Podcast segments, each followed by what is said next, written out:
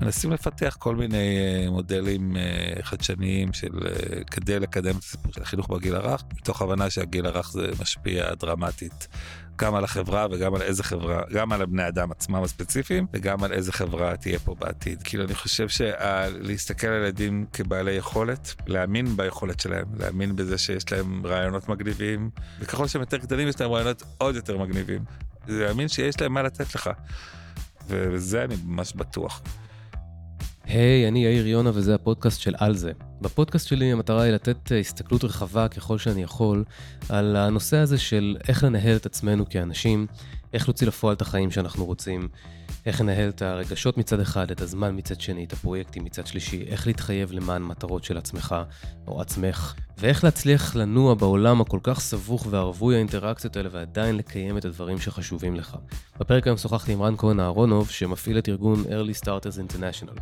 במסגרת הארגון הזה הוא מקים מרחבים בטוחים לילדים בגיל הרך באזורי מלחמה. זאת השיחה בין היתר על איך זה לעבוד עם ילדים ולמה באזורים קשים כל כך. הילד שלך בא עם איזה שטות, כאילו, אתה אומר לו, מה... מה זה לעומת פליט שעכשיו אה, אבא שלו בקרבות, כאילו, בסדר? זה, זה מפחיד, כי אתה, זה, זה כאילו משתלט עליך. אתה צריך המון המון מודעות כדי לדחוף את זה קצת הצידה.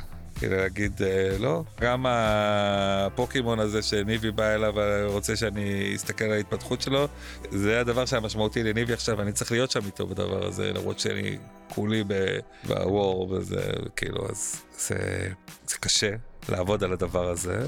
אבל רן הוא גם סופר ילדים מצליח, והוא שותף גם לסדרת הטלוויזיה, אלבומים ומופעים ילדי בית העץ, המצליחה שלעצמה. ועושה הרצאות עם אחיו אה, יאיה, כהן אהרונוב מהדג נחש. בכלל הוא עושה מיליון דברים שכולם ממש מצליחים. אז דיברנו גם על הצלחה, למרות ואולי בגלל ADHD ואיך לחגוג אותה. כאילו, אני, יש לי המון המון מזל, כאילו, טפו טפו טפו. ואני מודה לו, ואני... אה, מה שאני יכול לתת, אז אני נותן, ואני נותן הרבה מתוך זה שזה שזה כיף לי לתת, שאני מרוויח מזה. זה פרק על להתגייס למען מטרות ענק, על לשמור על עצמך, לנהל מלא אופרציות בו זמנית ועדיין לשמור על אנרגיה של פאנקיסט, כדי להמשיך לבעוט בסטנדרטי ובמוכר ולהמציא את העולם מחדש. הייתה שיחה סופר מרתקת, רן בחור זהב, יאללה, פתחתי מיקרופון. שנייה הזאת לחצתי על record, אז כל מה שאתה מספר הוא on tape. אז תרגיש חופשי לספר לי, אתה תספר לי על קולאב, שזה מה? עוד פעם? שזו תוכנית uh, מנהיגות של הפדרציה, של הפדרציה בניו יורק, שמנסה לחבר בין ארבעה מגזרים. אה, יפה. Uh, חרדים. מה זה, נוער, uh, סטודנטים? לא, לא, לא, מנהיגות זקנה, כמוני, לא. מבוגרים. אוקיי. לא, נגיד דוגמאות של אנשים ששם, סגן ראש עיריית בני ברק, מזכ"לית השומר הצעיר, כאלה, אתה יודע. מה עושים בתוכנית כזו? אמ, מכירים אחד את השני, מגלים שאתה גזען. אתה מגלה על עצמך. נראה לי שכל הומניסט בשלב מסוים יש לו את התחושה הזאת שהוא, אה, שהוא כזה, כן, זה חניכף מהדברים האלה עד שאתה כן. איכשהו מקבל את זה. אז פשוט אתה צריך לבחור את הקבוצה שאיתה אתה רוצה לשבת, אז אתה רואה שאתה מגלה שאתה יושב עם אלה שהם מאוד דומים לך. כן, איך, זה, איך, זה, איך זה מרגיש אגב להכיר בזה פתאום? כן. בוא נגיד זה ככה בצורה הכי גסה, אתה לא עוד שמאלני, אתה כאילו כן. עושה עבודה מאוד מאוד ספציפית, ותכף נדבר על מה אתה עושה. כן. דווקא המקום הזה זה... אני מנסה לשים יוצאים במקום שלך, ואני אומר, אם אני הייתי... כן, זה לא, זה מראה חשובה. שגם גורם לך להבין איך דברים קורים בעולם. כן. דברים קטנים, סתם היה לי שיחה עם uh, פרויקט שאני עושה במגזר הבדואי, וזאת שדיברתי איתה, היה לה חשוב שאני יגיד חברה בדואית ולא מגזר בדואי. זאת אומרת, mm. הפזורה זה כאילו השלטון אמר איך הוא מגדיר את זה. כאילו, הבנתי. וכן, הם לא מגזר, הם חברה, הם, יש להם... כן. הם לא נגזרת ממשהו אחר. למשל, אני חושב שהיינו באוקראינה, אז אה, לא, לא אומרים, יש שם הרבה מאוד Roma people, שלא קוראים להם צוענים יותר. Roma people? כן, Roma people. הם הגיעו מרומא כנראה הבסיס שלהם, ובני רומא, וכן, Gypsy זה כינוי... אה, כן, זה אינדיאנים כמו, כזה. זה אינדיאני, כמו כן. nigger, כמו זה, כן, כן. וואלה, זה מעניין. אמ, אז רגע, התחלת להגיד לי על, המ... על התוכנית מנהיגות הזאת, אז, מה אתה עושה, ש... מה לא, אתה עושה שם? מה שהתחלתי להגיד זה שלקחתי שנת חופש כזאת, ואמרתי, אני אקח אותה ב easy, ואז במשך השנה הזאת למדנו אה, להכיר אחד את השני, עשינו חקירה על החברה הישראלית בכל המג... חלקיה, והמטרה לצאת עם פרויקטים משותפים. אה, ויש מלא קשרים וחיבורים ודברים קורים ונורא כיף. יש לך איזה מישהו אחד שאתה יכול לספר עליו שכאילו תפס אותך? יש כל מיני, יש, יש לי, אני עושה פרויקט עם אה, שתי נשים דתיות פמיניסטיות. אוקיי. Okay. שאני חושב שאם הייתי חושב מראש שאני נכנס לתוכנית זה היה אולי הדבר האחרון שאני חושב שהייתי הולך עליו. לא שאני לא פמיניסט אני פמיניסט אבל גם זה לקח לי זמן להגיד שאני פמיניסט כאילו שזה בגאווה כזאת ולא. מה זה אומר מבחינתך שאתה פמיניסט. אה, במקרה ראיתי זה לפני המון שנים היה לגן ילדים ופנתה אליי ילדה מהגן שהיום בת 20 ומשהו ולומדת קולנוע ורצתה לעשות איזה סרט וזכה שהייתה כתבה, השתתפתי באיזושהי תוכנית אה, של רשף לוי שעסקה בגברים אמיתיים. Mm. אחרי חיפוש רב מצאנו את זה השבוע והיום, היום ראיתי את זה. ודיברתי שם על ה... כאילו הוא, הוא קצת יודע, צחק על הסיפור הזה שאני גנן והגבר ומה אומרים כן. על זה ומה.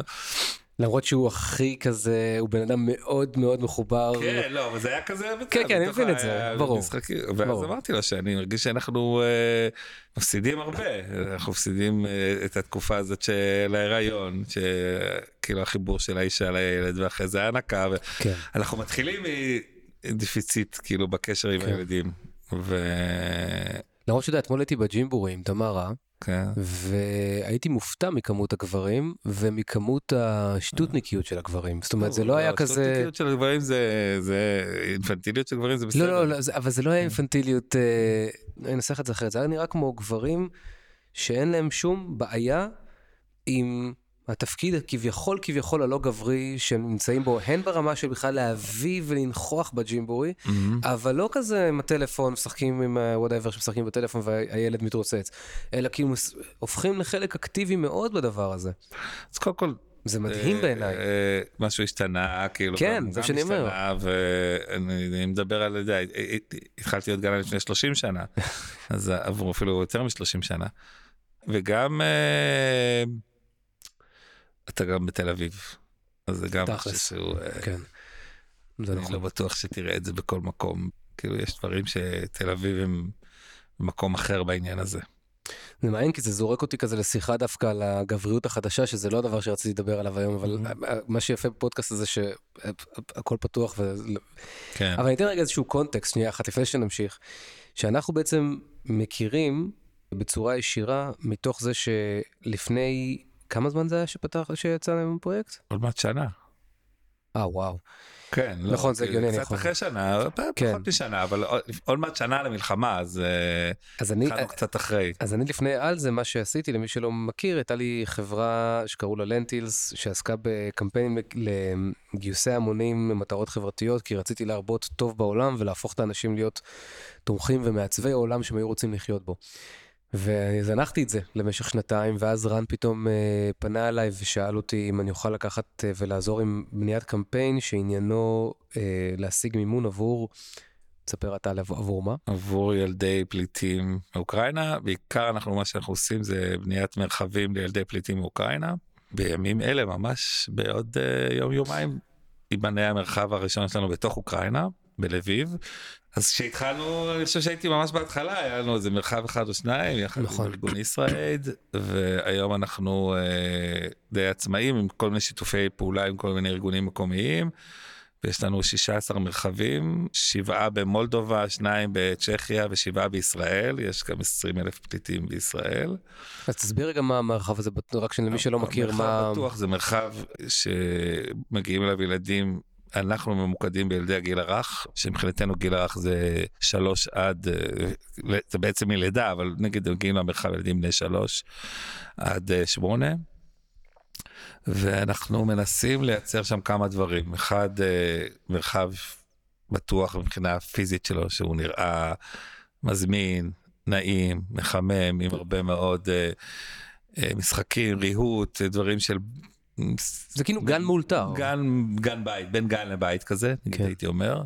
שטיח גדול כזה, שקורה באיזה חלל אגב? זה יכול להיות בשלטר, כאילו במקלט של אה, פליטים, או במרחב אה, עירוני שמאגד בתוכו פליטים שמגיעים מכל מקום. אז אנחנו בהתחלה במלחמה אז עשינו יחד עם ישראיד אוהל בגבול ברגע שהגיעו ועוד בכמה מקומות כאלה שהיו מין אצטדיון אתלטיקה גדול ואיזה מרכז כזה אקספו של אה, שהפכו אותו למרכז לקורונה ואחרי זה למרכז לפליטים. והיום הם, הם מקומות יותר קבועים למרות שעדיין התנאים הם לא, אם הם תקועים אצל משפחה אחרת, או אם הם בתוך איזה בית הבראה ישן, או באיזה מעונות סטודנטים, משפחה שלמה בחדר סטודנטים אה, כבר עוד מעט שנה, אה, בלי האבא, אה, בלי הסבא, בלי האח הגדול לפעמים, שנלחמים עם הלחץ של הפיצוצים בתוך אה, אוקראינה. אז אלה המרחבים שיש לנו, ואנחנו השבוע, יולי, שהיא מנהלת את הפעילות שלנו במזרח אירופה, פותחת מרחב יחד עם ארגון לב אחד ב- בלביב. זו פעם ראשונה שאנחנו עושים בתוך, בתוך אוקראינה, וזה נורא מפתיע, קודם כל שיש המון המון פליטים בתוך המדינה, שברחו ממקומות יותר מופגזים למקומות Mhm. פחות מופגזים. עדיין יש שם שקי חול בכל מקום, ו... כן. של אה, אוקראינה עם הפסקות חשמל יזומות, אה, אה, לא פשוט בכלל.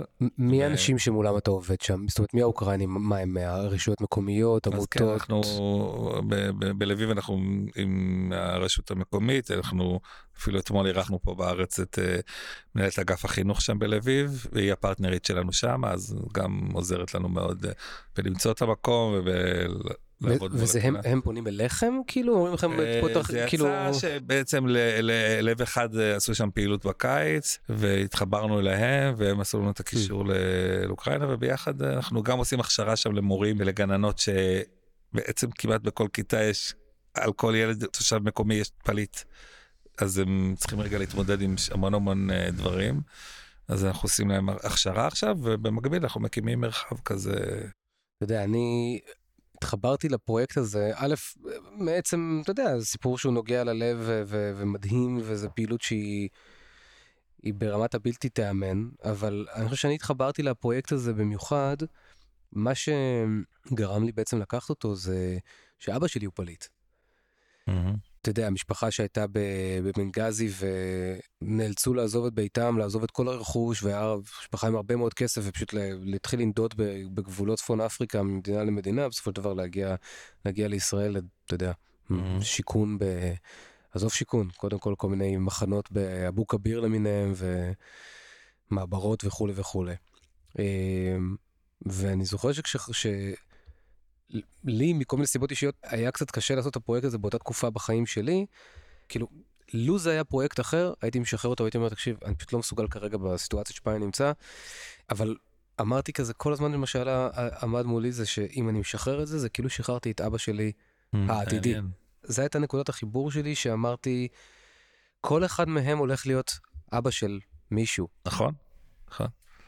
ורציתי לשאול אותך, אז, אז זה, זה מאוד, זה מתחבר בשני מקומות, רצ, רצית לשאול אותי אבל משהו, אז למה אתה עושה את זה? כי זה נשמע כמו... מעבר ל-reward, הסיפוק, ה... אה, ברור. כן, אבל זה יש, רצו... אבל זה- ויש, ו-. ברור שיש סיפוק, זה איך כן. אפשר שלא, אבל כן, אתה נלחם בכל כך הרבה דברים, נלחם, אתה נאבק, אתה... זה כל כך מורכב לוגיסטית, גם אני מניח, כשזה נהיה יותר קל ב- בשלטר מספר 20, כל מקום יש לו את הקשיים האובייקטיביים שלו, ולו בשביל לראות את הפרצופים של הילדים, שזה הקושי, זה קושי שלעצמו, כן. כאילו לראות את הילדים שמגיעים לשם. אז למה אתה עושה את זה? אז קודם כל רציתי להגיד משהו מעניין, אה, אני עושה הרצאות כאלה, באחד השקפים שלי יש תמונה שצילמתי פה בתל אביב, שכתוב שם אה, כולנו היינו פעם פליטים. כן. ו... יש כזה גם שיר של קוואמי, מי פה לא פוליט. כן. אז uh, כמובן שכולנו היינו פעם פליטים ואני גם uh, דור שני לשואה. Mhm. אמא שלי ניצלה על ידי משפחה נוצרית בהולנד, סטייל אנה פרנק. Uh, רק שסיפור אופטימי, ההורים שלה הגיעו בסוף המלחמה לאסוף אותה, היא לא הכירה אותם אמנם, אבל אה, וואו. כן, סיפור מדהים. למשפחה שהצילה אותה, את הילדה שהייתה הולכת לבית ספר כל יום ולא מספרת שהיא מחביאה ילדה אצלה בבית. יואו. והפכו להיות אה, אחיות אה, בדם, בנפש, עד וואו. הרגעי האחרונים של אימא שלי לפני שנתיים, שעוד פיט, אחותה הנוצרייה ההולנדית, שרה לה שירי אה, ערש כאלה ב... לקראת מותה. וזה מדהים כי אנחנו כמובן בקשר מעולה עם פיט וגם כתבתי איזה ספר ילדים שהפך להצגה שבימים אלה מעובד לסרט קולנוע וואלה. והיא כותבת לי בפייסבוק על uh, כמה היא גאה בי בדברים שאני עושה באוקראינה אז אני אומר לה שההשראה של זה זה ההורים שלה כן. שהם בעיניי uh, משהו בלתי מושג אני רוצה להגיד אני לא קשה לי מאוד להגיד את זה אבל אני כמעט בטוח שלא הייתי עושה מה שהם עושים. מה שהם עשו. Mm. לא היית מסתיר... אה, לא הייתי מסכן את הילדים שלי האישיים במשך שלוש שנים בשביל ילדה שאני לא מכיר. הייתי מאוד מקווה שאני הייתי אומר לך שכן. אבל וגם אני לא יודע כי לא חייתי בתקופה ההיא אבל בתחושה שלי האינסטינקט הראשוני שלי אומר זה להגן על הילדים שלי ברור. first of all. כן. ולא לסכן אותם וזה קשה להבין לחשוב על המחשבה הזאת שהם עשו משהו שבזכותם אני פה. ואני לא בטוח שאני הייתי עושה את הדבר הזה אז אולי חלק מה שאני עושה זה להגיד אוקיי את זה אני יכול לעשות. נגיד עכשיו השאלה לנסוע לאוקראינה כן או לא שאלה דרמטית. למה דווקא עכשיו? כאילו, מה- למה בשוני מכל השנה האחרונה? אני חושב שלא עלה צורך באמת עד הסוף גם התפתחנו נורא כאילו זה חושב שהתחלנו עם שני היינו שני עובדים בארגון אנחנו היום 40 עובדים בארגון אה, תוך שנה. מתוכם 32 פליטות אוקראיניות שעובדות אצלנו. וואו. לא זה עובדות עובדות, לא עובדות מתנדבות. עובדות במשכורת כן. ובאמת אה, אתה יודע גדלנו וכל הזמן היה ברור לנו שאנחנו ניכנס לאוקראינה. המחשבה שלנו הייתה שניכנס אחרי ה... אה, מבחינת להיכנס לתוך המדינה, כי אתה היית עד עכשיו על הגבול, הבנתי. על הגבול, הבנתי, כן. הבנתי, אוקיי. להיכנס פנימה זה כבר אמירה כן, אחרת. זה כן. גם כן החוסר ודאות. הבנתי. אה, אמא שלך דיברה הרבה על המשפחה הזו? זאת אומרת, זה היה שיח נוכח בבית? אה כן לגמרי המשפחה שלנו כאילו זה לא איזה משהו הבנתי. אמא שלי עלתה לארץ בגיל מאוחר יחסית 20 ומשהו ולאורך כל השנים היא הייתה בקשר עם פיט וגם כשהקמנו משפחות אז האירועים והם באו לחתונות של כולנו הבנתי. לחתונות שלהם. זה לא אני מההיסטוריה. אחרי הצבא נסעתי לטיול ב- בהולנד וישנתי אצלהם ולא אצל בני דודים שלי כאילו הבנתי. ברמה כזאת יש אה, תחושת אה, משפחה לגמרי. הזכרת מקודם את ההצגה ש- שספר ותהיה סרט, כן.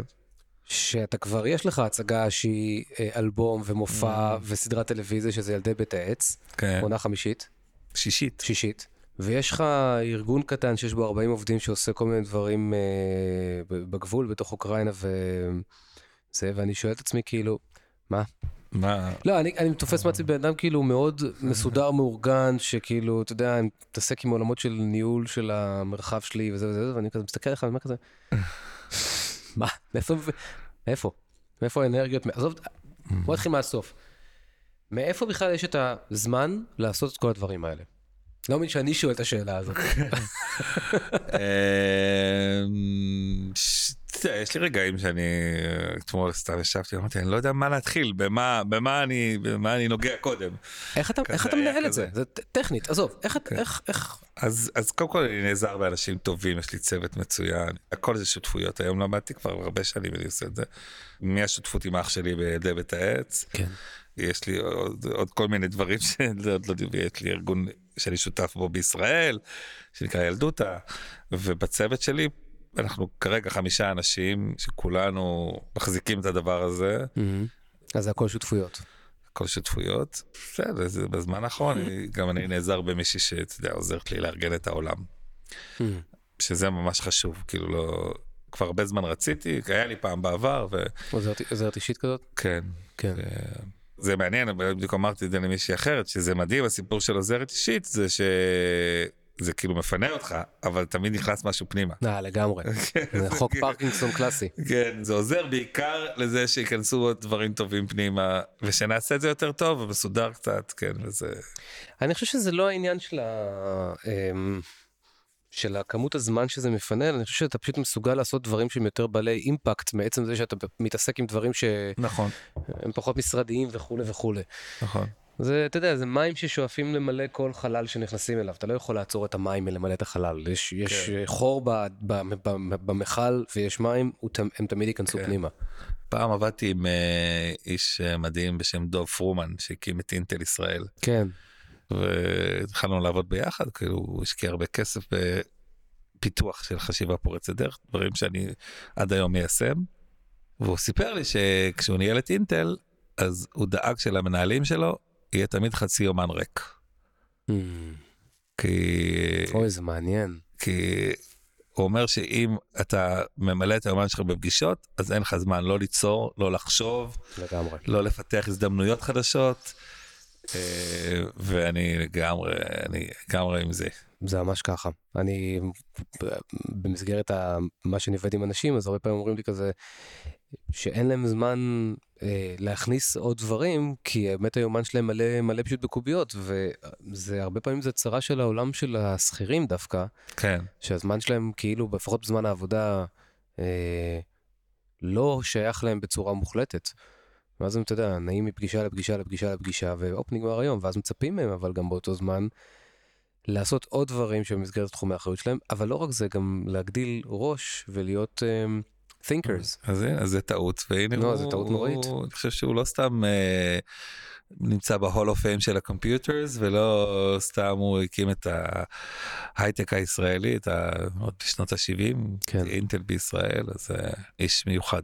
אז רגע, אז אמרנו ילדי בית העץ, שזה בעצם סדרה לילדים אה, עם מופע ועם דיסק, ו- ויש את אה, early starter, early, early סטארטרס, כן. starters, שזה העמותה, הארגון? אה, ארגון. ארגון, כן, כן. זוכר שהיה לנו שיח כן, על... דווקא יש לנו היום תובנות רבות על הדבר הזה. כן, אנחנו ארגון שהוא עושה שני דברים, הוא גם מייעץ, חלק בוא נגיד פחות אה, הומניטרי, כן. בעיקר למדינות, לרשויות, ובמקביל עוסק בעניינים הומניטריים שהם יותר אה, NGOים בתפיסות שלהם, ודרך עמותת הג'יק אנחנו מפעילים את הפעילות שלנו בעולם. ושם אנחנו גם מתבססים הרבה יותר על כספי תרומות ופחות על כספי עבודה. אז זה אנחנו early... מנסים שזה יממן את זה כן. וכאילו אז זה early starters, ואני רק מנסה רגע, אה, אה, בשביל מי שלא מכיר, לפרוס את העוגה. ויש לנו את, אה, את ילדותה, כן. שזה ארגון, ארגון לשינוי בגיל הרך עובדים בארץ ברמת מדיניות וברמת אה, מנסים לפתח כל מיני אה, מודלים אה, חדשניים של אה, כדי לקדם את הסיפור של הגיל הרך מתוך הבנה של החינוך. של החינוך בגיל הרך כן. מתוך הבנה שהגיל הרך זה משפיע דרמטית גם על החברה וגם על איזה חברה גם על הבני אדם עצמם הספציפיים וגם על איזה חברה תהיה פה בעתיד. אז אתה פותח גן לפני 30 שנה, ואתה מעורב בילדותה שעוסקת בחינוך בגיל הרך כדי לעצב את העולם קדימה, ואתה עובד עם פורמן על פיתוח חשיבה פורצת דרך כדי אה, שהגיל הרך יציל את העולם, ואתה עושה את אה, early starters כדי ש, אה, להציל את ילדי הגיל הרך. כן להציל אותם אה, כן כי אני חושב שהמטרה בעיקר היא אה, לרכך את הטראומה. אנחנו יודעים יש המון מחקרים על הדבר הזה שטראומה בגיל הרך משפיעה דרמטית על מי שאתה כאתה, כאדם כן. בוגר גם מבחינה בריאותית גם מבחינה נפשית.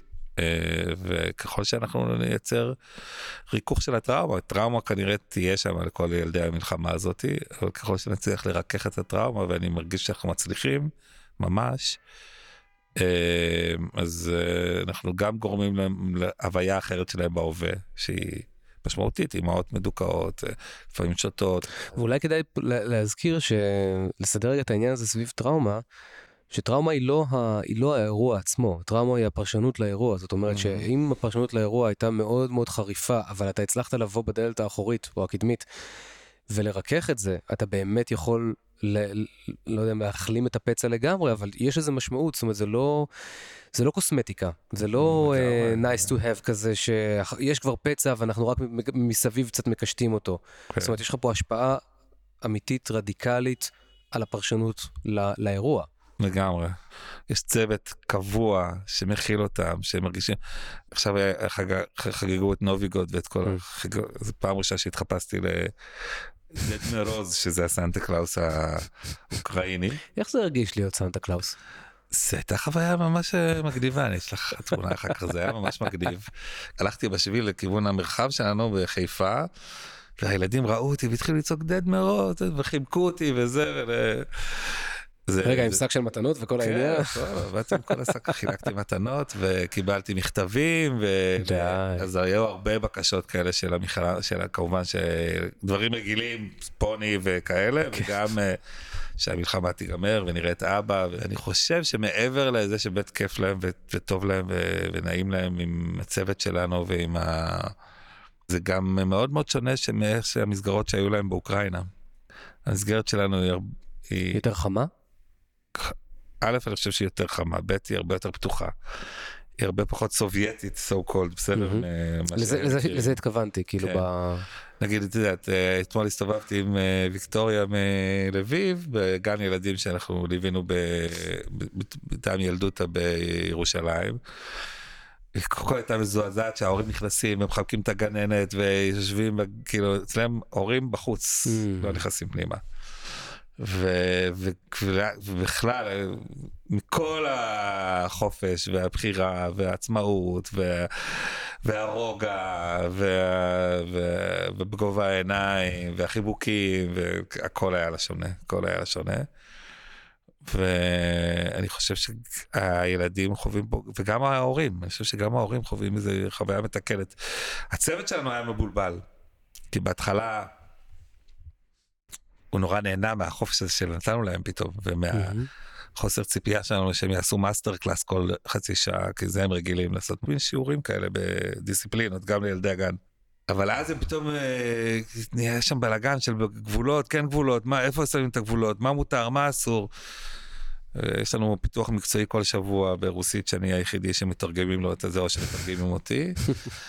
ועשינו כמה מפגשים בנושא גבולות, כי רגע להגיד להם, לא, אנחנו לא בעד אנרכיה, אנחנו בעד uh, משהו שהוא מכיל, אבל שהוא גם שומר על הילדים, וגם שומר עליכם, וגם... Uh, זה היה נורא חשוב, וזה רגע עשה להם איזה איזון חזרה כזה, אבל... זה כאילו הם מרוויחים פה בעצם תפיסה חינוכית אחרת לגמרי, הרבה יותר, לגמרי. הרבה יותר שמתקרבת לילד. לגמרי, אני שומע את זה גם מהצוות שלנו, שהוא לאט לאט גם מדבר את השפה. כן. אה, שהם עברו שינוי מאוד אה, מאוד מהותי גם בהורות שלהם גם בהרבה מהם הם אימהות בעצמם בפליטות. שאתה מרוויח כל מיני מעגלים שלא חשבת עליהם קודם מעבר לזה שהם כולם עובדות פתאום יש להם עבודה והם יכולות כן. לקיים את הילדים שלהם. ו... וואי, זה, ש... זה שלעצמו זה שלעצמו זה מדהים. אני יכול להגיד שנגיד היה לנו מרחב באשדוד שהייתה דילמה להמשיך אותה בגלל כמות ילדים ואיכשהו דחפנו שם אנרגיה שהגיעו לשם עוד ילדים וזה mm. קרה. אבל היינו על הסף של רגע, אבל מה שהחזיק אותנו היה רגע זה שהם יהיו בלי עבודה זה יהיה לא טוב. ואתה יודע, בכל העולם, כולל בישראל, מנצלים את זה. את הבנות שאין להם עבודה ומגיעות כן. מאוקראינה ובגבול מחכים להם גם במולדובה ובכל מיני מקומות. כן. לא, לא כיף. רציתי לשאול אותך וזה רציתי לשאול אותך שאלה מקודם בגלל זה גם מניתי את כל התחומי פעילות שלך. אני מנסה להבין אבל מה שורש העניין של הגיל הרך אצלך. אז אתה יודע יש את הפסיכולוגיה של הדבר הזה של אה, בוא נדבר על אימא שהייתה במחבוא בגיל 3 עד 6. זה זה היא. זה היא ואני שמי שיודע כמה היא עברה כמה השלוש שנים האלה השפיעו על מי שהיא כבן אדם בוגר מהחלומות בלילה ושמשטרה עוצרת אותנו והיא רועדת ואתה יודע כל כאילו הבנה שחוויה טובה או רעה בגיל הזה משפיעה על מי שאתה כאדם בוגר חיינו את זה לגמרי כמשפחה. ועד, אתה יודע, הפסיכולוגיה שזה, למדתי ייעוץ ארגוני בתפיסות פסיכואנליטיות, ואיזה פסיכואנליטיקן שליווה אותנו שם אמר לי שאני צריך לשקול את האופציה הזאת שאני עוסק בגיל הרך כי אני מנסה לתקן את הילדות שלי, אימא שלי לא הייתה בשנים האלה, או שהייתה מאוד מאוד קלוקלת, או... זה מעניין. זה נקודה מעניינת. אני אגיד אולי עוד דבר שאני גם מדבר עליו הרבה פעמים זה שאני בעיות קשב וריכוז חוויית בית הספר גן אני לא זוכר הרבה אבל גם לא זוכר הרבה דברים טובים. אה, ירושלים? בירושלים. כן. חוויית בית הספר לא לא לא מהנה בכלל כאילו תחושת בינוניות המון המון שנים כן. שאין לי שאין לי חוזקות שאין לי ששום חוזקה שלי לא באה לידי ביטוי אז עוד לא ידעתי מה זה אינטליגנציות מרובות ומה זה אינטליגנציה בין אישית, למשל, שאני היום אני יודע שהיא אחת החוזקות הגדולות שלי. וגם אם היית אומר לי שאני אהיה סופר, אני שבקושי הצלחתי לכתוב אה, בחינות הבגרות, שאני אהיה סופר בעצמי בסוף, זה נשמע לי הזוי. ואני חושב שכן, כאילו הרצון שלי גם לתקן לרן הילד הזה את חוויית הילדות שלו דרך דרך הבנה של ילדות אחרת לילדים אחרים. מי זה שפתחתי רשת של גני ילדים או גני ילדים, אה, התחיל מגן אחד ואחרי זה קצת יותר. ואתה לא יודע לעשות את זה בקטן, אה? זה איך, איך שאמרת, פתחתי רשת של גני ילדים, זאת אומרת, כן. בסדר, אתה, ברור שזה לא, מתחיל מגן אחד, אחד, בסדר, כן. אין בעיה, אבל אתה לא יודע כן. לעשות את זה בקטן. אה, כן, כנראה שאני משתעמם מהר. ADHD בכל זאת. כן, ADHD, זהו, כן. כי אני מאוד שותף לתחושה הזאת של כן. אם אתה כבר עושה משהו, אז היי, למה לא נרחיב את זה כאן, ולמה לא נרחיב את זה עוד לכאן, והנה, יש פה פוטנציאל, כן. אז בוא נעשה עם זה עוד דברים. כן, תשמע, זה, זה תמיד דילמה, כאילו, אתה יודע, זה כמו בילדי בית העץ, אה, אה, היה לנו אלבום ראשון שעבדנו עליו ארבע שנים. כן. כאילו באמת עשינו אותו מבחינתנו זה היה ממש בקדושה כזאת כאילו עד שאנחנו כבר עושים את הדבר הזה שזה יהיה הכי טוב שאפשר. ברור. גיא מזיג בא עם שבע גיטרות הקלטנו שוב ושוב ושוב וקרולינה. הקליטה ואז מחקנו ועשינו מחדש כאילו כזה ברמה כזאת ולא נדבר על השירים שגנזנו בדרך. ואז באו אלינו בטלוויזיה החינוכית ואמרו אנחנו רוצים לעשות סדרת טלוויזיה מבוססת על השירים, אבל יש לנו 30 פרקים בעונה. כי הדיסק היה כבר בחוץ? הדיסק היה בחוץ והיו 11 שירים. והוא היה כבר הצלחה ובגלל זה, הצלחה, זה הם הגיעו כן. כאילו. הוא היה הצלחה, mm-hmm. לא, לא היה זהב באותו רגע, מאוד אהבו אותו ואמרו אנחנו רוצים כאילו לעשות מסדרה כזאת שמסתיימת בשיר. חסר לנו 19 שירים.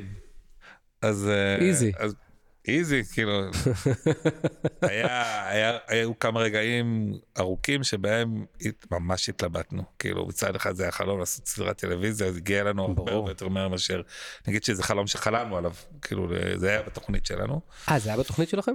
כן, יש לנו דף כזה שיאי ואני כתבנו כשהסתובבנו בחברת התקליטים שאף אחד לא רצתה אותנו דרך אגב. Mm-hmm.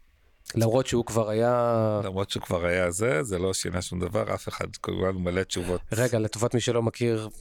היה מהדג נחש. או, בסיס של הדג נחש, כן. כן, ועשה עוד כמה דברים. ועשה עוד כמה פרויקטים. אה, כמו ילד של אבא עם מוקי ועוד כמה כאלה.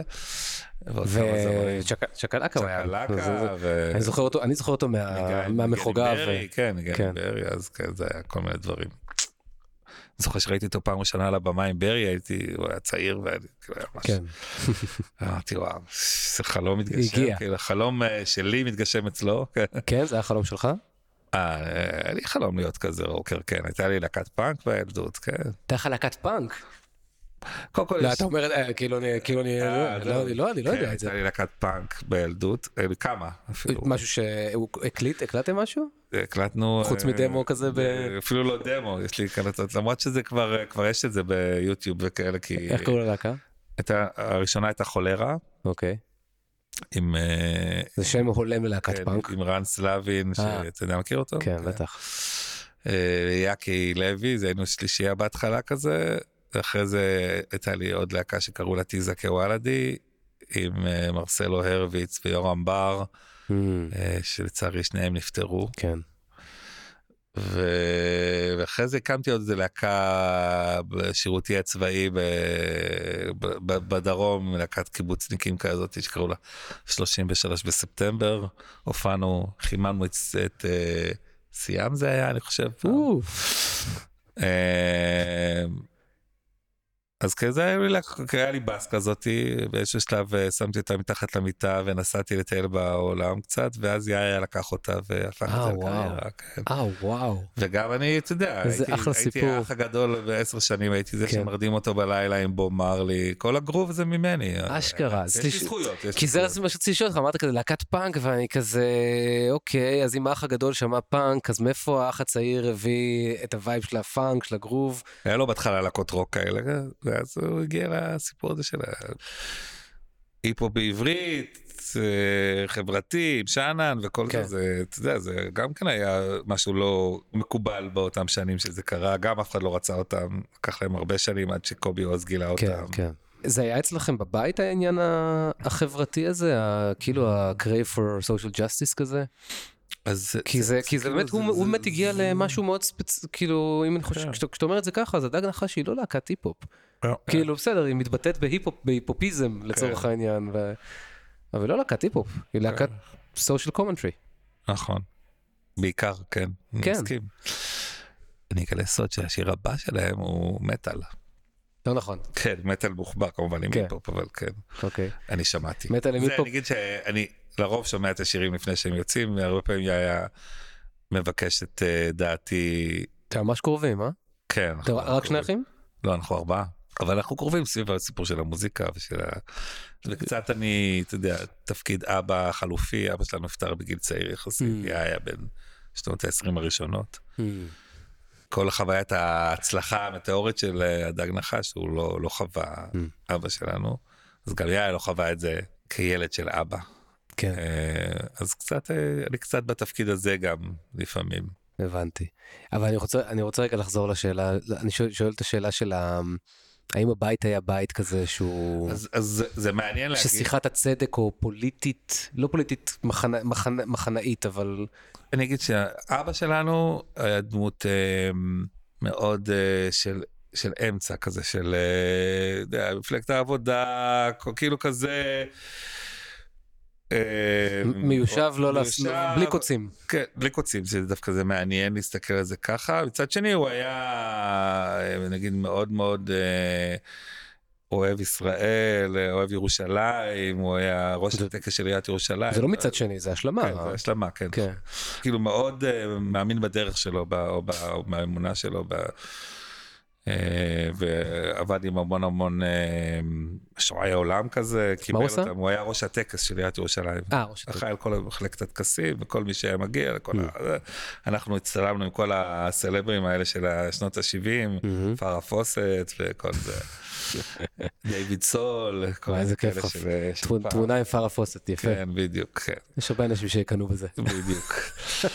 אז אה, אבל אימא שלנו היא כחלק מהחוב שהיא הרגישה לחברה עבדה מגיל מאוד צעיר אה, עם. היא עבדה בתור עובדת סוציאלית בהולנד עם, אה, עם, עם זונות ברוב הזה, אחרי זה בארץ עם ילדים עם תסמונת דאון, ואז עם נוער בסיכון. זאת אומרת, זה Mm. בעצם הדברים שהיא עשתה תמיד.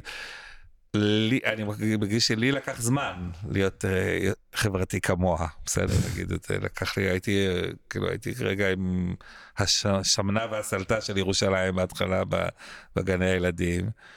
אה, לקח לי זמן לעשות שם את השינוי. נכון שגם אז העברתי את הגן לאזור קצת יותר חלש, כן היו לי תמיד אה, מההתחלה אה, הנחות מיוחדות לילדים ספציפיים, כזה תמיד היה כזה, אבל לעשות את השינוי הזה, כאילו, לחפש דווקא את האוכלוסייה היותר מוחלשת, או אה, לעסוק בסיפור של צמצום פערים וזה, זה בעיקר בעשור, שני העשורים האחרונים. Mm. התיישבתי קצת יותר בדעתי. זה נשמע כאילו, אתה יודע, תהליך, אה, אני אעשה לך פסיכולוגיה באגורה ורבע, ורבע, אבל זה נשמע כמו תהליך היפרדות מפנקיסט כזה, במקום מסוים. או ההפך, התחברות לפנקיסט. תכלס, או ההפך. תמיד הייתי במחאה נגד, ה...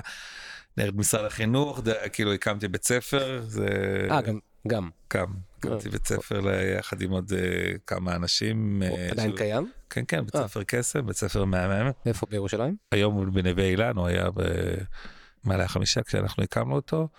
והייתי יושב ראש העמותה שם הרבה שנים, זה מין בית ספר כזה פתוח סביבתי, הנה בתיקונים שלי, את עצמי, את זה, את הילדים שלי, הלכת לבית ספר פתוח, הלכתי לבית ספר פתוח. לא יגדר אותם. כן, ותשמע, הם ייתנו לך הרבה, הרבה קרדיט השנים האלה שלהם בבית ספר. הם כן. יגידו שזה היה מאוד משמעותי עבורם. ברור. הילדים שלי שהם כבר גדולים, היום 26 ו-22, הם ידברו על קסם כשנים מאוד מאוד חשובות ב... במי שהם היום. יובלי הייתה מצלמת, אה, גם מסכנה כמו אבא שלה קיבלה את הבעיות קשב וריכוז שלו. והייתה מצלמת מגיל מאוד מאוד צעיר, כיתה ד' ה' כבר היה לה מצלמה ביד, Mm. ואתה תראה, התעודות שלה מדברות על הצילום שלה, היא צילמה ספר מחזור, את ה... אחרי זה קולנוע, ואז אה, נערות בסיכון, החיבורים האלה של אה, צלמת של הרמטכ"ל, והיום היא עובדת, אה, התנדבה באפריקה, וגם גם נוסעת אה, איתי מדי פעם למקומות כאלה. מבחינתה אוקראינה זה ה-next step, היא בשמחה תבוא איתי לאוקראינה. בר, ברגעים כאלה של כל כך הרבה אה, קושי בצד של העבודה עם הפליטים, ומצד שני כל כך הרבה, אתה מנסה לשנות פה נגיד את האספקטים החינוכיים, אתה קורא לזה, אתה יודע, אתה הפנקיסט שיוצא כנגד ה... כנגד משרד החינוך, מנסה להביא השפעה על חינוך בגיל הרך דרך ילדותה. יש פה titans לעבוד מולם. המלחמה כ titan אחד כזה, ומשרד החינוך כגוף כן. קשוח. מאיפה אתה, מאיפה אתה שואב את ה... זה מעניין. לא, רגע, אני לא, אפילו לא שואל על הכוח, חכה. אני שואל כן. קודם כל על ההשראה. ההשראה. כאילו איפה ברגע שאתה אומר, ברגעים האלה שאתה כזה, fuck it כבר, כאילו די, עזבו אותי אתם עם משרד חינוך והבירוקרטיה וממשלה שמתחלפת, כאילו, איזה משרד חינוך אתה עובד? זה משתנה כל mm. עשר דקות כזה. איפה המקום הזה שאתה אומר, כל פעם כשאני מקשיב לאלבום של סיאם, אז אני מתמלא באנרגיה של ה... אני שומע את הכינור של הדר, אני שומע את הכינור של הדר גולדמן ואני אומר לעצמי, downtown, downtown תל אביב, בוא נשבור ואז אתה מקבל דלק. אז מה זה הדלק הזה? אני חושב שיש משהו בלא ללכת בתלם שהוא כנראה בילד אין אצלי בפנים. זה המדרבן כאילו? עצם זה שאתה לא הולך בתלם זה ה... יש משהו שם הולך עם איזה אמת פנימית כזאת שלי. אני, לא יכול, אני חושב שכן ההורים שלי נתנו לי אותה בקטע הזה שהם האמינו מאוד שכל אחד מאיתנו צריך ללכת בדרכו כאילו שזה נתנו לנו המון המון uh, תמיכה להיות מי שאנחנו. Mm. אז במקום הזה אני מאוד מאוד מרגיש שאני, גם אני וגם יאיה מאוד מאוד נגיד, וגם האחים האחרים שלי הולכים סביבה איזשהו מקום אה, אמת שלהם. והמקום של האומץ, תמיד אני אומר, אה, כשפתחתי את הגן בגיל 22, וואו. הייתי בין אמיץ למטומטם, איפשהו באמצע. אז כאילו, אתה יודע, המקום של האומץ, אה, הוא... אני, בן, אני לא בן אדם אמיץ בכלל בדברים דברים של סכנות גובה וכאלה, לא יודע, כאילו אני ממש לא מה... ג'וקים? אפילו פעם כתבתי. אתה, אתה בסדר עם ג'וקים? עם ג'וקים, שונא ג'וקים. אתה לא מכיר בן אדם שאוהב אותם, אבל... לא, לא, אני לא מסתדר עם ג'וקים, לא, זה לא, תמיד הבנות זוג שלי הם אלה שהורגות את הג'וקים ואת העכברים ולא יודעת מה. זאת אומרת, אתה לא תעלה על מתקן בסופרלנד, אבל אתה תמצא עצמך בעומק המלחמה של אוקראינה. אוקיי, כן, לא כאילו, בסדר, זה סוג אחר של אומץ, אוקיי, כן, סבבה. אני אומר, האומץ צריך להיות מחובר לאיזושהי אמת מאוד כן. מאוד פנימית, אה, שאני, כאילו, כשהקמנו את קסם, את בית הספר, ריחף מעל ראשנו איום של להיכנס לכלא. כי היה חוק כזה שאומר שאתה יכול להקים בית ספר, רק אם יש לך רישיון. כן. אבל אתה לא יכול לקבל רישיון בלי שיש לך מבנה וצוות ותוכנית לימודים ו... ומשרד החינוך והמועצה לקחו אותנו לבית משפט. עכשיו, כשאני הגעתי לבית משפט, אחת האופציות הייתה להיכנס לכלא. לא קרה שמישהו לפני, אני, שאני יודע עליו, שנכנס על זה לכלא, אבל זה כן היה שם באוויר, המקום הזה. ובכל זאת הייתה איזושהי תחושה שאני מאמין מאוד בדרך הזאת, שזה מגיע לילדים שלי, חינוך אחר ממה שלי היה. לילדים שלי, אני מאוד רציתי שלכל הילדים שלי, מבחינתי שזה יהיה בקסטל, ושעל זה הייתה המלחמה שלי גם. זוכר שישבתי במועצה במבשרת ואמרו לי שהם לא מוכנים לתת לנו את ה... להקים את הבית ספר שם במבשרת, ואז אמרתי לראש המועצה, אמרתי לו, איתך ובלעדיך יהיה בית ספר. בית ספר אה, עם השנים הפך להיות ממלכתי, ואני חושב שמועצת מטה יהודה מאוד מאוד גאה בו, ובימים אלה מתכננים אה, לבנות שם מבנה קבע. אז מבחינת זה, וגם מה שאני שומע, אנשים שכאילו, אני מאוד מאוד גאה בדבר הזה, שזה גם נותן מענה להמון המון ילדים, וילדים שבמקומות אחרים לא מסתדרים. אז ההליכה אחרי האידיאולוגיה זה מספיק לך בשביל שיהיה לך את המבער הפנימי הזה לעמוד בימים שפחות זה עובד בהם? נראה לי שכן, כן. מעניין. כן. אתה יודע, כמו, כמו כל בן אדם, לא תמיד, ולא... לא, ברור. ברוב המקרים, כן. כשאתה נכנס לתוך פרויקט כזה, אתה מצליח לראות אותו בדמיון, איך הדבר הזה הולך להיראות? זאת אומרת, אתה בן אדם שרואה את ה vision ואז אומר, אוקיי, איך אני ממלא filling the dots כזה, ממלא את הנקודות איך להגיע, או שאתה כזה במקום יותר אופרטיבי שהולך מדבר לדבר, mm, עד שנרקם את ה... אני חושב שאני איזה שילוב, שילוב ביניהם, כן. כאילו אני, אה, אני יכול, נגיד סתם, אני יכול להיכנס למקום ואני מדמיין איך זה ייראה. זאת אומרת, איך, איך ה... מישהו יחשוב שזה חור, חורבה, לא יודע, נגיד, אה, הסתובבנו באצטדיון הזה, ראינו איזה פינה, ישר אמרתי, זה נראה לי מתאים להיות פינה ל, לילדים, היא אמרה לי, מנהלת האצטדיון, אין מצב, זה חורבה, זה זה, כאילו, לא תשים פה ילדים. אחרי חמש שעות המקום נראה פצץ, כאילו, מהמם. ו- פשוט באתי, כבר ידעתי מה אני קונה, הלכתי לחנויות, הייתי רק צריך את האנשים שיתרגמו כן. לי את הדברים שאני רוצה, וידעתי איך זה ייראה. להגיד לך שאז כשהתחלנו את המלחמה ידעתי שיהיו היום 16 אה, לא, אבל- אבל ידעת- ויהיה לי 40 עובדים ו... לא, אני מניח לא, שלא. אבל זה לא, אבל ידעת מה- מה מה הולך להיות במרחב, זאת אומרת, ראית את הפו- התמונה של מרחב כן. הייתה לך ב- בדמיון. כן, עוד, עוד, עוד הרבה לפני שבניתי אותו. כבר הרבה זמן אני מדבר את זה, מה צריך לקרות ב crisis הומניטרי, איזה סוג, מה Mm. שהרבה מקומות לא נותנים מענה לגיל הרך, נותנים מענה רב גילאי כזה. ואז כשרב גילאי, אז המענה הוא בעיקר הולך לגדולים. כן. זה הכי נוח, הכי קל, הכי קל להביא לשם איזה סטודנט אה, מתנדב שיכול להפעיל אותם כמו בתנועת נוער. יש תקשורת אה, מבוגרים, אז... אה, ו- וה- והילדים הכי משמעותיים שזה הכי משמעותי להם קצת כן. הולכים לאיבוד שם כן. נשארים תקועים עם ההורים שלהם או. אה, אז זה היה לי כבר את ה vision הזה עוד הרבה לפני שנפלנו ל- למלחמה הזאת וכשהתחלנו אותה כבר היה לי הרבה דברים מסודרים בראש איך זה צריך להיראות ומה צריך להיות שם וגם עכשיו נגיד ישבנו כאילו הצוות פעם ראשונה לעשות vision על אה, חמש שנים קדימה. Hmm. איך עושים דבר כזה? כאילו, אני אף פעם לא הבנתי... אתה יודע, אני, אני, אני מבין את, ה, את הרציונל מאחורי זה, אבל אני אומר, במציאות שהיא משתנה כל כך, בטח. בסיטואציות של war zones וזה... כן. זה היה מעניין עשינו מין תהליך כזה לחצי שנה הקרובה.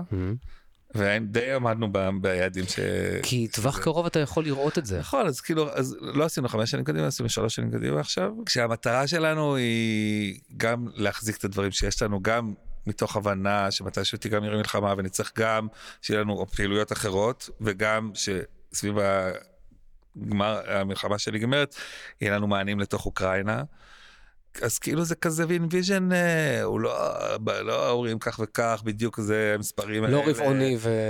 אבל זה, זה מכוון אותך לזה, למשל, של דברים שלא עשיתי לפני זה, שכל הסיפור של גיוס כספים, שפתאום אני נפלתי לדבר הזה, אתה יודע, כמה גייסנו? אני לא זוכר. אז 200 אלף שקל, אבל עד היום בערך אה, גייסנו בערך 600 אלף דולר. אה, וואו, מתרומות מה? של אה, מו- מוסדיים או... כי לא פתחתם את זה לציבור הרחב בעצם, נכון? עוד פעם. לא, אנחנו בדיוק רוצים לעשות את זה עכשיו ככסף מתחיל, אה, המלחמה הזאת, אנשים מפסיקים לתת כסף, כאילו, כי כבר... נמאס להם, אה, נמאס להם לשמוע על המלחמה, מבחינתם זה היה קשה גם אז. זה היה קשה גם כשאנחנו אז, עשינו את נכון. זה. כן, קיבלנו גם מכל מיני פדרציות וגם מכל מיני תורמים, אה, ואפילו קצת ממדינת ישראל, אה, משרד החינוך אה, עזר לנו קצת, עוזר לנו עדיין, במרחבים בארץ, שזה נורא מפתיע ומשמח, שהם אנשים טובים דווקא. זה גם מפתיע בהינתן שממשלות מתחלפות, כאילו, ו... כן, אז... אז, אז בשקט, בשקט. בוא, בוא, נ- בוא, נ- את החלק הזה נערוך, נשמיע, נחתוך נערוך החוצה. כי אנחנו לא יודעים מה יקרה, אז אנחנו כרגע שמחים שמי שיושב בתחום הזה, אנשים כן. טובים מאוד, ו... וזה משמח שאכפת להם, כאילו כן. שאכפת להם, ו... אז קצת קצת פה, קצת מפה, קצת משם. זה משהו שכאילו לא עשיתי קודם, אז אני צריך כאילו רגע ללמוד איך עושים את זה. מה? את מה? לגייס כספים, לא, לא גייסתי אף פעם כסף לפני זה. אז, אז ממה הארגון חי כל הזמן? מעבודה. קיבלנו. אה, מה- מה channel השני של הייעוץ וכולי וכולי? כן, כן, אנשים רצו ייעוץ, פרויקטים, הכשרות, זה, כן, שכרו את שירותינו בעצם. גם באפריקה. אז בגלל זה אתה גם לא רוצה לקרוא לזה עמותה כאילו? אז אני אומר, חלקים ההומניטריים שהם proper הומניטריים, אה, ובהם אנחנו באמת ה-NGO ים. NGO ים, אז אנחנו עובדים דרך עמותת אה, אג'יק, וזאת זאת אה, הפעילות. העמותתית שלנו. הבנתי. עכשיו, בתור בן אדם שעושה כל כך הרבה דברים, איפה אתה נח? Mm, נשאל את זה אחרת, לי- what do you do for fun? אני מאוד אוהב מוזיקה ואז הופעות, ואני לא הולך מספיק. לפני הקורונה הילדים שלי לקחו אותי לפסטיבל, אה, כאילו, זה התחיל מזה שהבת שלי תמיד הולכת לפסטיבל הזה בהונגריה, זיגט. זיגט. ואז הבן שלי היה לפני גיוס, הוא אמר יאללה אבא בוא ניסע, ונסעתי, זה היה נורא כיף, היה לי זמן כזה עם שני הילדים. וואו, איזה כיף. בפסטיבל רוק, ראיתי איזה 20 ומשהו הופעות בשלושה ימים, נגמרו לי הרגליים ברור, והגב. ברור. אבל... זה אה, תחינה, תחינה שאין דוגמתה הדבר הזה. כן, אבל היה כיף ממש, אז כאילו כזה אני אוהב הופעות. אז נגיד אתה הולך להופעות, זה כן. זה האנוויינד שלך. מזל שיש את הדג נחש שיש תמיד אה, הופעה שצריך ללכת. כן, אבל ראית את זה כבר איזה 80 אלף פעם, לא? כן, אז תמיד אה, מארחים מישהו, אז זה זה נחמד, ראיתי את זה 80 אלף פעם. לא, ומדי פעם, אתה יודע, כל מיני כאלה. לא, וזה הופעה שלא יישמע, זו הופעה שראוי לראות 80 אלף פעם, ברור. לגמרי, לגמרי, וכל פעם יש משהו חדש. אבל כן, חוץ מזה עוד רואה הופעות, כאילו הייתי, הייתי בדהו בניו יורק, די, וואו. בפודקאסט הקודם שראיינו אותי, זה היה לפני איזה כמעט אה, חצי שנה, אז אה, אשכול נבו שאל Mhm. אותי אה, איזה הופעה הייתי רוצה ללכת ולא ראיתי, אז אמרתי לו דהו. ואז היה לי ברור, זה דהו, זו הייתה הלהקה אהובה עליי בילדות. וואו, מעניין. ואז אביב אמר לי, שמע את הפודקאסט, והוא אמר לי, אולי, אולי יש הופעה של דהו כשאתה תהיה בניו יורק. כי נסעתי עם כל הבימת, מתחבר להתחלה, עם כל הבני ניו יורק, היינו שבוע ביחד בניו יורק. עם התוכנית ה- מנהיגות. כן, תוכנית מנהיגות הזאתי. פתחנו את הזה, והופה, הופעה של דהו, אחרי כמה שנים שהם לא הופיעו בניו יורק, במדיסון סקוויר גארדן, מה הייתי צריך יותר מזה? וואו. החוויה מרגשת. ואז הייתי שוב פעם בפראג, וראיתי את- אה, קיור, שזה כמה שנים אה, אחרי זה בגלגולים של זה הפאנק שלי. הסיבוב של עכשיו. כן, הסיבוב של עכשיו, כן, כן. ראיתי את הקיור בפראג. טוב, אתה חייב להגיד לי איזה אלבום של The Who ה favorite שלך. זה מעניין, אה, זה בין... אה, תביא תשובה לא שגרתית. כן, אה, תשובה לא, odds and sods, Odds and Sods. טוב, זה אלבום אדיר. כן. אני יכול לראות את זה. וגם אני מאוד אוהב את Quadrophenia. אה, אתה אתה מה- מאלה שהצליחו לצלוח אותו. כן, לא, אני מאוד אוהב אותו, כן. לא, זה אלבום מעולה. כן, וואו, איזה צפצופים. אז אה, אה, כן. אז זה ב- היה חוויה לראות אותם. האמת שהם היו מפתיעים לטובה, גם הקול של רוג'ר דולטרי, אחרי שראיתי פה את ג'טרו טול ושאין לו קול כבר. טוב, זה לקחת את הדוגמה הכי קיצונית של מישהו שממש איבד את הקול שלו. כן, וגם נהניתי, אני חייב להגיד, כן? לראות הקול. אז פתאום אה, לראות כאילו את The Who ואת רוג'ר דולטרי עם קול, עם 100 נגנים על הבמה ומשהו. כזה. יש לי יש לי סקופ בשבילך. עבדך הנאמן הכין לרוג'ר דלטרי סנדוויץ' עוף כשעבדתי בתור אה, טבח בבית. קפה בלונדון כשהייתי בן 22. וביקשתי מה- ממי שהגיש לו זה שיגיד שזה, אתה יודע, בברכת השף, שף, כן? היה לי כן. גם כן. כן שף. אז אה, הכנתי לו את הסנדוויץ' אוף, וכאילו, זו הייתה התרומה שלי לעולם הרוק אה, בצורה מדהים. משמעותית ביותר, ש- הוא מודה שמקנא בך. ובצדק. תגיד, בכל ההצלחות האלה יש אחת, יש איזושהי, אני אומר הצלחות כי מבחינתי כל העשייה הזאת היא, היא הצלחה, לא, זה לא עניין של פיננסי כמובן, אבל כל ההצלחות האלה יש איזה משהו שאתה מרגיש שפספסת או שהיית רוצה שיעשה אחרת. אני לא מדבר על ה attributions הקטנים, אלא משהו בגישה או בעשייה, כי אתה יודע, אני חושב על הסיפור שלך עם דהו במדיסון סקוורד גארדן, זה כזה, היי, אני ניסע לניו יורק, היי, מה הסיכוי ש The Who, ששני חבר, שניים מחבריה כבר לא קיימים, במקרה נמצאים בדיוק באותו time frame, במקרה במדיסון סקוור גארדן בניו יורק. אז אני אומר, זה- אתה בן אדם ש... דברים קורים לי. דברים קורים או, קורא אותם. אז אני רוצה להבין אם, היה משהו שרצית שיקרה ו...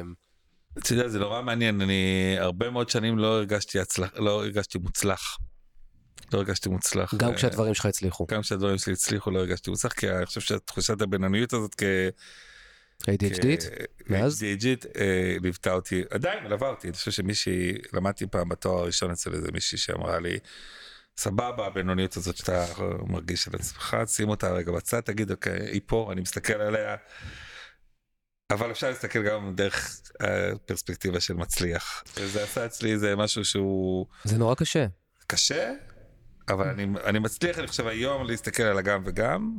הבינוני הזה תמיד קופץ לי, הוא לא... זה נורא קשה, כי... לא אני- שחררתי אותו, הוא תקשיב, נמצא אני, איתי. אני, אני ח- חוויתי את, uh, עד כשעברתי אבחון בגיל 30, אני חשבתי שאני מטומטם, על אמת מטומטם, כן. כן. והיה לי דיסוננס מאוד גדול, כי ידעתי שאני לא מטומטם, כן. אבל כל דבר הוכיח לי שאני כן, כל טקסט שקראתי, כל ניסיון כן, באוניברסיטה הפתוחה, שהלכתי, באוניברסיטה הפתוחה, כן, שכי לא יכולתי, לא יכולתי להרשות לעצמי להתקבל לשום אוניברסיטה אחרת, אתה קורא טקסט, מעניין, אתה יודע, אני זוכר שהיה, אה, למדתי מדעי, המד- מדעי המדינה ותקשורת, והיה אה, יחידה כזאת על דמוקרטיה ישראלית, שזה, אתה יודע, אני בתור בן אדם סופר פוליטי, זה נורא עניין אותי, אה, ואתה יודע, אני קורא את הטקסטים, מכיר את הסיפור מהעבר שלי, כאילו, מה, מה, מהדברים שאני פשוט יודע, לא מצליח לקרוא חצי מילה בלי שזה, ושזה יישאר לי. ואני אומר, אה, וואלה, כן, אני באמת מטומטם. ואז לשמחתי עשיתי את האבחון. אז אני, אז לא אני מאוד מזדהה, אבל אני- כשהבחנתי את יובל, אז אמרתי למאבחנת, רגע, זה... ככה זה נראה? זה בעיות קשר, אני שומע את, את המאוורר של התנור כשאת מדברת, אני לא שומע אותך מדברת. ש... ואז הבנתי שיש לי בעיות קשב וריכוז, ורק בתואר השני לקחתי רטלין. כמובן זה נראה לגמרי מאשר הבגרות שלי, שלמשל נגיד היסטוריה תמיד נורא נורא אהבתי, והבגרות שלי הייתה 6. כן. כי לפתח, את המיומנות הזאת. אה, לכתוב את ה... כן. פשוט לא היה לי את זה. אז רגע, אז אני מחזיר אותך שנייה אחת לתחושת בינוניות הזו. אז כן, אז אני, אז אני אומר בסיפור הזה של ה... כאילו להרגיש מצליח, לקח לי הרבה זמן, ותמיד זה יהיה לווה גם בתחושות אחרות, בסדר?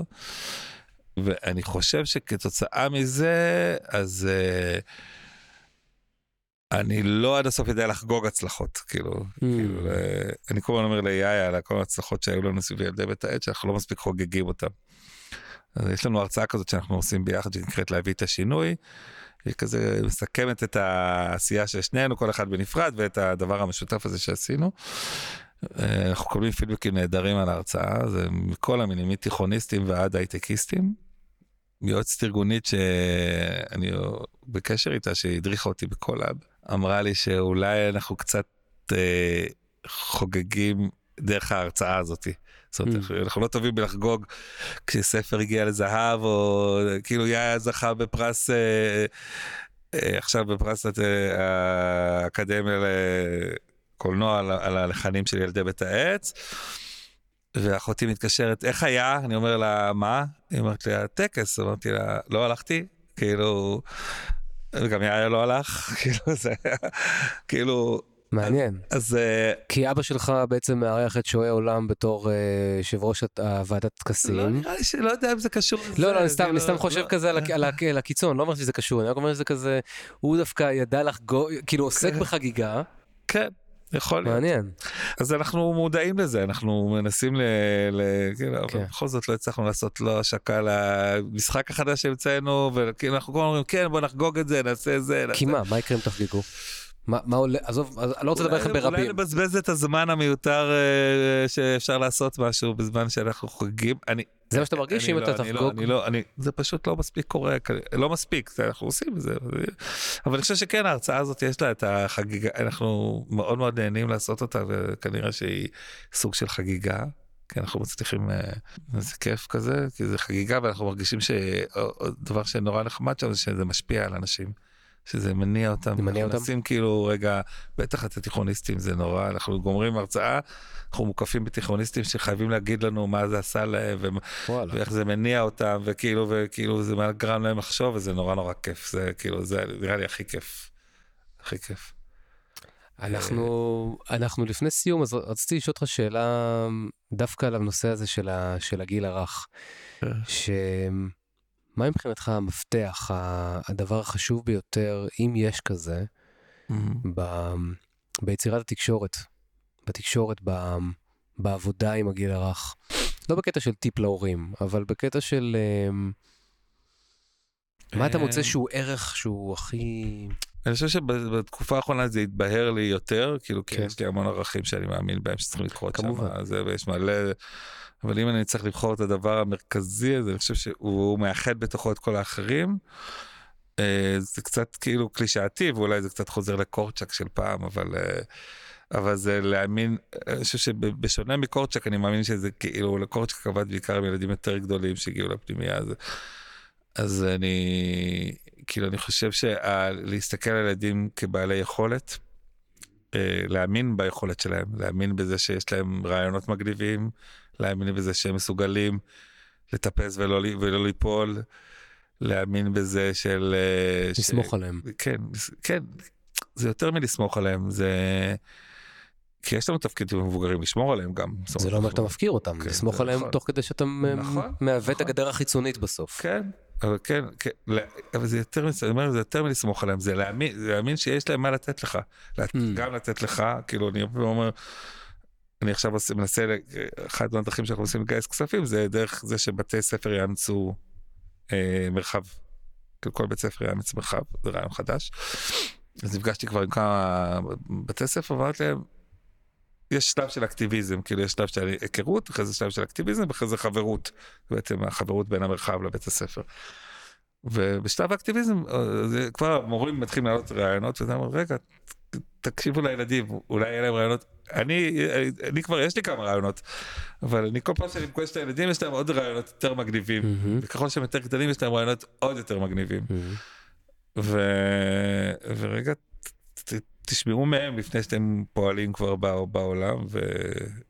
וזה אני ממש בטוח, כאילו, זה כל פעם מפתיע מחדש, זה הכי מפתיע אותי. שגננות או מורים או זה שעבדו כבר שנים עם הילדים ופתאום כאילו החליטו לעשות איזשהו שינוי ול, כן. ולשמוע יותר את ה... מופתעים בטירוף כשמגלים דברים שהם... ואז הם מופתעים שפתאום יש ילדים יודעים יותר מהם משהו, אפילו אם הם ילדי גן. Mm-hmm. אה, אני זוכר את זה שגננת אחת אמרה לי, היה קבוצה של ילדים שהתעניינו בחלל. והם ידעו מלא על ילדים בני חמש. אמרתי, אז למה את לא עושה איתם כאילו, במקום עכשיו פסח, תעשו חלל. אז היא אמרה, אבל אני לא יודעת כלום על החלל. אז אמרתי, יאללה, תלמדי. תלמדי מהם, תלמדי איתם, תלמדי, מה את מפחדת? היא הלכה על זה, זה אבל זה... זה לא טריוויאלי. באוטומט? לא טריוויאלי. היא העדיפה לעשות עוד, עוד שנה את הארגז, להוציא פסח כן. שוב פעם, וראש שקט, ו... וואי, כן. והם ידעו מלא, הילדים. מה הולך להיות השנה מבחינתך? מה היית רוצה שיקרה? לא ברמה של לבנות עוד מרחב וזה, ברמה הרגשית שלך. מה היית, מה היית רוצה שיקרה לך? אני מתאר לעצמי שתמיד רוצה איזשהו איזון יותר נכון, לא יודע אם זה... בין, כאילו, ה, בין, העבוד, בין העבודה לחיים הפרטיים? בין העבודה לחיים הפרטיים, אני כל הזמן נזהר, תראה, אחת הסכנות בסיפור הזה של המלחמה, עשינו לצוות שלנו מפגש על שחיקה. הפסיכולוגית שם אמרה משהו על השחיקה והיא דיברה על הרבה דברים ואיך הדבר המרכזי שהיא אמרה שמה זה תשימו לב שדברים אחרים פתאום מאבדים מהמשמעות שלהם. כן. ואני רואה את זה כל הזמן שזה קורה לי. וכאילו הילד שלך בא עם איזה שטות כאילו אתה אומר לו מה מה זה לעומת פליט שעכשיו אה, כן. אבא שלו בקרבות כאילו בסדר. זה, זה מפחיד כי אתה זה, זה כאילו משתלט עליך. Mm-hmm. אתה צריך המון המון מודעות כדי לדחוף את זה קצת הצידה. כן. להגיד אה, לא. כן, זה, גם, זה לא הסיפור גם לגמרי. גם הפוקימון הזה שניבי בא אליו ורוצה שאני אסתכל על ההתפתחות שלו, כן. זה, זה הדבר שהמשמעותי לניבי עכשיו, אני צריך להיות שם איתו בדבר הזה, למרות שאני כולי ב... בוור. בוור, וזה כאילו, אז זה, זה קשה. כן. אז הייתי רוצה שאני אצליח שם לעבוד על הדבר הזה. ואז כן, כאילו, אה, ואז שיהיו לי מקומות, אה, אולי כמו שדוב אמר, שיהיו לי מקומות ריקים כאלה מחדש, שיווצרו לי שם רעיונות חדשים, כן. ואני אוהב את זה, אני אוהב את הרעיונות חדשים. אני גם לא רואה את עצמי, נגיד, יוצא לפנסיה אף פעם. כי אתה לא באמת עובד כנראה, אתה פשוט עושה את הדברים. אז כן, כאילו אני חושב שאם אני אני אקמול, אם אני אלך לפנסיה, אני בסדר, חודש באיים בתאילנד סבבה, משהו אחר. לא יודע מה, זה כאילו, אבל, אבל אני לא רואה, לא רואה את האופציה הזאת של לא להיות אבל, לא בשביל, אבל בשביל זה אתה צריך באמת לחדש את עצמך כל הזמן כדי גם לא להשחק גם לא להשתעמם בטח שאתה ADHD כן. ואתה צריך אה, נכון, נכון. את הגיוון הזה כל הזמן. סבבה, וכן לאזן כאילו אני כן מנסה לצאת לחופשות כן מנסה לעשות לי חופשות עם הילדים שלי נסעתי לסיציליה עם כל הילדים הרגשתי nice. היה נורא כיף כאילו אני יודע גם ליהנות כאילו אני לא גם כשאני נוסע למקומות כמו אפריקה וזה אני אני כן אשן במלון נורמלי אני כן. אה, אני לא סגפן, אני לא, כאילו אני... אתה אומר לי זה כי נחשדו בך ככזה? לא, למה אתה מעלה את זה? אני אגיד שלפעמים אני, פעם אמרתי, כאילו, אני מרגיש לפעמים שאני רמאי, כאילו שאני, אומרים לי, וואי, איזה דברים מדהימים שאתה עושה גם, אתה יודע, הפייסבוק הוא כזה, אתה יודע, מבלבל את האנשים. אז במה אתה רמאי? זה שאני נהנה ממה שאני עושה. נגמר? הבנתי. שאני נהנה... שאתה לא אמור ליהנות מה... כן, כאילו שאנשים אומרים וואי זה מדהים, כאילו, אני, אתה יודע, אני, אני אוהב את מה שאני עושה, אני נהנה, אני נהנה לנסוע בין המדינות שאני מגיע אליהן, לראות אנשים חדשים, לפגוש אנשים חדשים, אני מת על אפריקה, אני, אני כאילו, אני חסר לי אפריקה מאז הקורונה לא נסעתי, אני נהנה מהדברים שאני עושה, אז כאילו אני, אני לא מרגיש את ה... זה ברור לי כי אם אני מסתכל על עצמי בחוץ, אז לא כל אחד היה קם חמישה ימים אחרי שהתחילה המלחמה ונוסע למולדובה. כן. זה, אז אני יכול להסתכל על זה. מצד שני, כאילו, זה היה הרפתקה, כאילו ש... כאילו... לא ידעתי מה יצא ממנה, אבל גם, וגם לא נסעתי עם כסף, אז כאילו, אתה יודע, היה, היו שם כל מיני סכנות. אבל מצד שני זה היה כאילו... אז כן, אז אני... פשוטים, אז, אז פשוט, אני, פשוטים אז... הדברים ומותר לאהוב, אחי, אתה כן, יכול, אתה יכול גם לשבת במלונות וליהנות מהם וגם, וגם להציל את הילדים. מזה, אמרתי לזאת שהייתי איתה אז באפריקה, אמרתי לי היינו במחנה פליטים במלאווי ובאמת היה שם עניינים של אוכל ואמרתי לי איך אתה יכול לאכול ארוחת ערב כזה סבירה, בוא נגיד כזה, ושאנחנו יודעים שהם רעבים שם. להפך, אתה חייב לאכול ארוחת ערב סבירה כדי שתוכל להיות עבור הילדים האלה. בדיוק, בדיוק, אני, אני ממש מאמין בזה. יש לי מזל גדול, אני גם יודע שיש לי מזל גדול. ו... במה? במה? במה הוא מתבטא? קודם כל בזה שנולדתי לבית שיחסית סביר, שלא בעוני, במדינה יחסית סבירה, מערבית, כאילו, אפשר לקרוא לה כזאת, כאילו, כן, תלוי לפי איזה פרשנות. בית טוב, כן. אחים קרובים, יחסים טובים, ילדים מדהימים, כאילו, יש לי המון המון מזל, כאילו, טפו טפו טפו. ואני מודה לו, ואני... מה שאני יכול לתת, אז אני נותן, ואני נותן הרבה מתוך זה שזה, שזה כיף לי לתת, שאני מרוויח מזה. איך פיבי אז אמרה, ניסתה למצוא את ה... היה לה את הוויכוח ב... יש פרק כזה שהיא מתווכחת על... שיש דבר כזה אלטרואיזם טהור. והיא כל הזמן מנסה להוכיח, אני לא זוכר, צ'נדלר או מישהו ש... ובסוף היא אומרת לו, הנה, נעקצתי על ידי דבורה, וזה היה, אני הייתי כאילו, אלטרואיזם טהור, הנה, נתתי לדבורה לעקוץ אותי. אז הוא אומר, עכשיו היא דבורה מתה. כאילו בגלל איך היא מתה. איזה תשובה צ'נדלרית קלאסית. אז כן, אז אני יודע שאין אלטרואיזם טהור ואני חי עם זה בשלום לגמרי. היה פעם שזה לא היה לך נוח לחשוב על זה ככה? בגלל העולם הזה של הרשתות החברתיות אז אתה גם אתה פוגש אנשים שלא ראית מלא זמן פגשו אותך ברחוב וואי איזה דברים מדהימים אתה עושה כאילו בסדר כאילו. אבל זה מעניין רגע אני מתעכב אני רציתי רציתי שנסגור את הפרק אבל דווקא זה מעניין אותי שנייה אחת לחפור את הנקודה הזאת זה כאילו אתה אומר. אם אני מבין אותך נכון, כשאתה פוגש את האנשים האלה בחוף שלא רואה אותך מלא זמן, אומרים לך וואי איזה דברים מדהימים אתה עושה, אז אתה אומר כן סבבה, אבל כאילו הנימה זה כזה כן, אבל אני גם ישן במלון סביר לחלוטין ואני לא רעב ללחם, אז אולי זה לא באמת שווה את זה. כן. זה, זה, זה מעניין כאילו ש... שהשיח הזה אחרי כל כך הרבה שנים מה זה לא שווה את זה? זה שווה את זה? לא, במרכאות אני אומר, כן, אני לא, לא מפרשן את המחשבה שלך, אני לא באמת... אה, כן, זה לא הדבר הזה שאתם אה, חושבים עליו עד הסוף, כאילו, אתם רואים, כאילו. הבנתי. זה סתם משהו פנימי, אתה יודע. לא, ברור שזה פנימי, ואני שואל אותך, אתה יושב מולי. זה, אתה יודע, זה כמו שלקח לי 30 אה, שנה להבין שאימא שלי ניצולת שואה. מה זאת אומרת? היא שרדה את המלחמה, היא לא הייתה במחנה ריכוז, בתור ילד. כאילו לא ענתה על התנאים לא ש... לא ענתה על התנאים המזוויעים של השואה. כן. ולקח לי לנסוע לפולין, ולקחת את המכתבים שהיא התכתבה עם פיט, כדי להבין, וואו, אמא שלי... הייתה בשואה. הייתה בשואה, ויש לה סיפור. כאילו, כן. כאילו, תבין, הגעתי לגיל 30, כבר היו לי כבר חמישה ספרים אחרים, שבכלל לא חשבתי שיש פה סיפור שצריך לספר. זה נראה לי מאותו מקום. תסביר לי. ש... שכאילו... שאתה חייב לעמוד בצ'קליסט מסוים כדי לה... להרוויח את הבאג' הזה, כאילו? כן, כן. אני לא יודע אם אני צריך את ה... כאילו, אני מרגיש לא בנוח עם הבאג' הזה, אולי בסדר, זה כאילו, אני מרגיש בנוח עם... אני... אני... אני... באמת, אני באמת מרגיש שאני עושה את הדברים שאני אוהב, שאני שמח על זה, שאני... מודה, לא יודע למי, לבורח שקוראים לו מי שהוא לא יהיה, שנתן לי את האומץ לעשות דברים שאולי אה, זה, ומקומות אחרים אני פחדן, והכל סבבה, כאילו, ו... לא לאבד את הפרופורציות, אני חושב שזה אולי, כן. אה, כאילו, כן.